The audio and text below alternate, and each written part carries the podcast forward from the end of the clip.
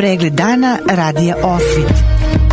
Lokalne vesti iz Vornika i regiona Birač. Dobar dan, pratite pregled dana za 30. jun 2023. godine. Zvornički privrednici i predstavnici javnih ustanova razmatrali su na 11. sednici Privrednog savjeta grada Zvornika 10 tačaka dnevnog reda. Razgovaralo se o značaju anketiranja privrednog sektora, čija je svrha analiza stanja i identifikacija potreba privrede sa podrškom kako od lokalne samouprave, tako i od entitetskih i državnih organa. Posebno značaj je na izvođenje praktične nastave u privredi, koja podrazumeva bližu saradnju privrednika i srednjoškolskih centara. Na sednici je razmatran akcijni plan za sprovođenje strategije integrisanog razvoja grada Zvornika 2024. do 2026. i izveštaj o izvršenju budžeta grada Zvornika. Akcenat je stavljen na projekat Parking Servis i proširenje parking prostora koji je od značaja za građane Zvornika. Projekat Prijatelj porodice je predstavljen kao primjer uspešne saradnje lokalne uprave i privrede na rešavanjem pitanja od opšteg društvenog značaja. Privredni savjet grada Zvornika je savjetodavno telo koje daje mišljenja, preporuke i pokreće inicijative o pitanjima koja se odnose na stanje privrede, društvenih delatnosti i merama za unapređenje lokalnog ekonomskog razvoja. Od objava u medijima u kojima se pominje bila Alumina ili njeni članovi upravnog odbora i vest koja je juče objavljena na sajtu Kapital Ba. Prema pisanju ovog sajta vlasnik Pavgorda Gordon Pavlović osnova je u zvorniku preduzeće Nova Alumina sa kapitalom od milion konvertibilih maraka. Osnovna delatnost preduzeća koje je osnovano polovinom prošlog meseca je proizvodnja aluminija, a Pavlović je ujedno i direktor i 100% vlasnik. Pravni zastupnik Pavgorda Miloš Stevanović je za sajt kapital.ba rekao da je cilj njegovog klijenta klijenta da stečaj u alumini što pre bude okončan. Također rekao je da su Pavgord i Ukio banka potpuno relaksirani jer je Ustavni sud Bosne i Hercegovine zauzeo stav da su zaloge legalne i da su privredni sudovi u Republici Srpskoj počeli da primenjuju te stavove. Sve zaloge i zajmovi koji su ranije davani su legalni jer postoji presuda suda u Litvaniji koju je priznao okružni sud u Bijeljini, odnosno priznato je postojanje tog dugovanja, kazao je Stevanović.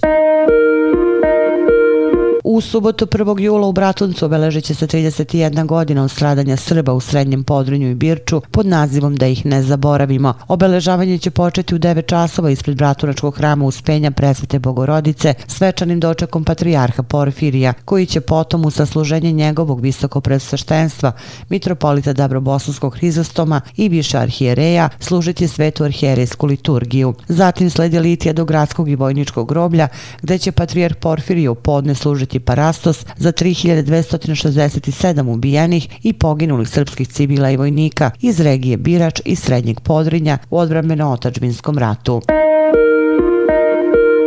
Vrhovni sud Republike Srpske potvrdio je presudu kojom su Dragiša Tešić i Rajko Lošić oslobođeni optužbi za zločin protiv ratnih zarobljenika i ratni zločin protiv civilnog stanovništva na području Vlasenice. Žalba okružnog javnog tužilaštva u Istočnom Sarajevu odbijena je kao neosnovana i potvrđena je prvostepena presuda okružnog suda u Istočnom Sarajevu. Tešić i Lošić su prvostepenom presudom iz decembra 2022. godine oslobođeni optužbi da su od maja 1993. pa do kraja decembra 1995. godine nečovečno postupali prema ratnim zarobljenicima i civilnim osobama zatvorenim u prostorijama pomoćne zgrade Osnovnog suda u Vlasenici. Tešić je bio optužen u svojstvu pripadnika Vojske Republike Srpske, a Lošić kao pripadnik rezervnog sastava stanice javne bezbednosti Vlasenica u svojstvu stražara. Optužnica protiv Tešića je potvrđena u septembru 2016. godine, a protiv Lošića u martu 2019. godine, te su odlukom suda ova dva predmeta spojena. Protiv ove presude nije dozvoljena žalba. Danas će na košarkaškom igralištu kod osnovne škole Sveti Sava u Zvorniku početi tradicionalni 13. omladinski turnir 3x3 streetball, na kome će biti održano takmičenje u zakucavanju i šutiranju za tri poena. Više o predstojećem turniru, jedan od organizatora turnira, Veljo Tijanić. Danas će u Zvorniku na košarkaškom igralištu kod osnovne škole, početi e, već 13. E, po redu streetball e, 3x3 tur. tour. Danas startujemo sa omladinskim selekcijama gdje je već prijavljeno nekih 10 ekipa. Kotizacija po ekipi je 40 maraka. Prva nagrada je 400, druga 100. Sljedećeg dana, to jest u subotu, E, održat ćemo seniorski turnir gdje je kotizacija stotinu konvertibilnih maraka. Prva nagrada je 4000, dok je druga nagrada 1000 maraka. Na seniorskom turniru imamo prijavljeno do sada već 13 ekipa. Prijave važe do večeras u 18 časova već sada možemo da, da, da kažemo da će ovaj turnir sigurno biti jedan od najkvalitetnijih ekipnih turnira gdje su nam se prijavile ekipe iz Slovenije, Crne Gore, Srbije i BiH. U okviru našeg turnira održat ćemo i humanitarno šutiranje u trojkama. Kotizacija je pet konvertibilnih maraka. sav prihod će biti namenjen porodici Mić iz sela Malešić za izgradnju za izgradnju spratna kući. Koristio bih priliku da se zahvalim još, jednoj, još jednom gradskoj upravi koja već 13. godinu za redom prepoznaje značaj našeg turnira koji je izrastao, mogu slobodno da kažem, u jedan od najprepoznatljivijih turnira u BiH kao i svim ostalim sponzorima bez kojih sigurno ova manifestacija ne bi mogla da se održi.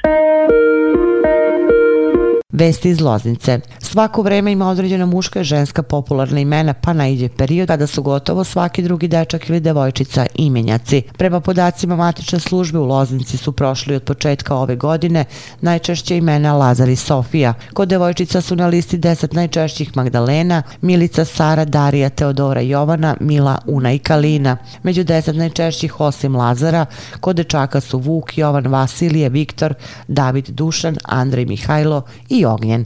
Opširnije na sajtu lozničkenovosti.com. Pratili ste pregled dana za 30. jun 2023. godine. Hvala na pažnji. Pregled dana radija Osvit. Lokalne vesti iz Vornika i regiona Birač.